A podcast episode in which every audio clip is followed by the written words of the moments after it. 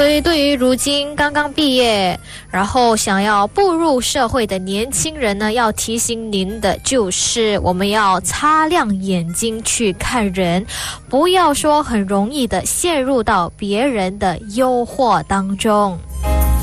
那我们人都是有贪心的这种心态，是很正常的啦。所以呢，我们就要自己去学会如何的去控制自己的这种贪心。那就是因为呢，我们有过量的贪图之心，才会被骗的，不是吗？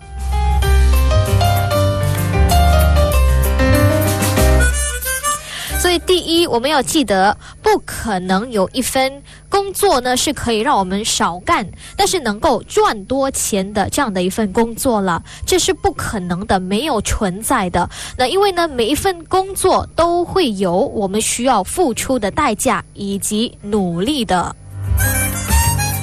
然后第二，我们在应聘工作的时候呢，也是要多加注意啊。你在提交个人讯息的时候，如果这个应聘者就是那个公司突然说问您要一些不寻常的讯息，那什么叫做不寻常的信息呢？比如像是他他跟你说要你父母的名字啊，然后身份证以及护照的号码，然后您的。银行账户的号码等等，那千万都不能去给哦，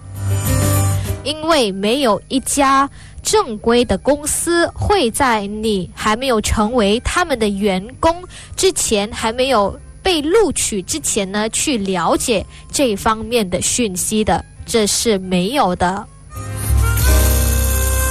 所以，如果真的有这样的事情发生呢，那您就应该要再三的考虑了。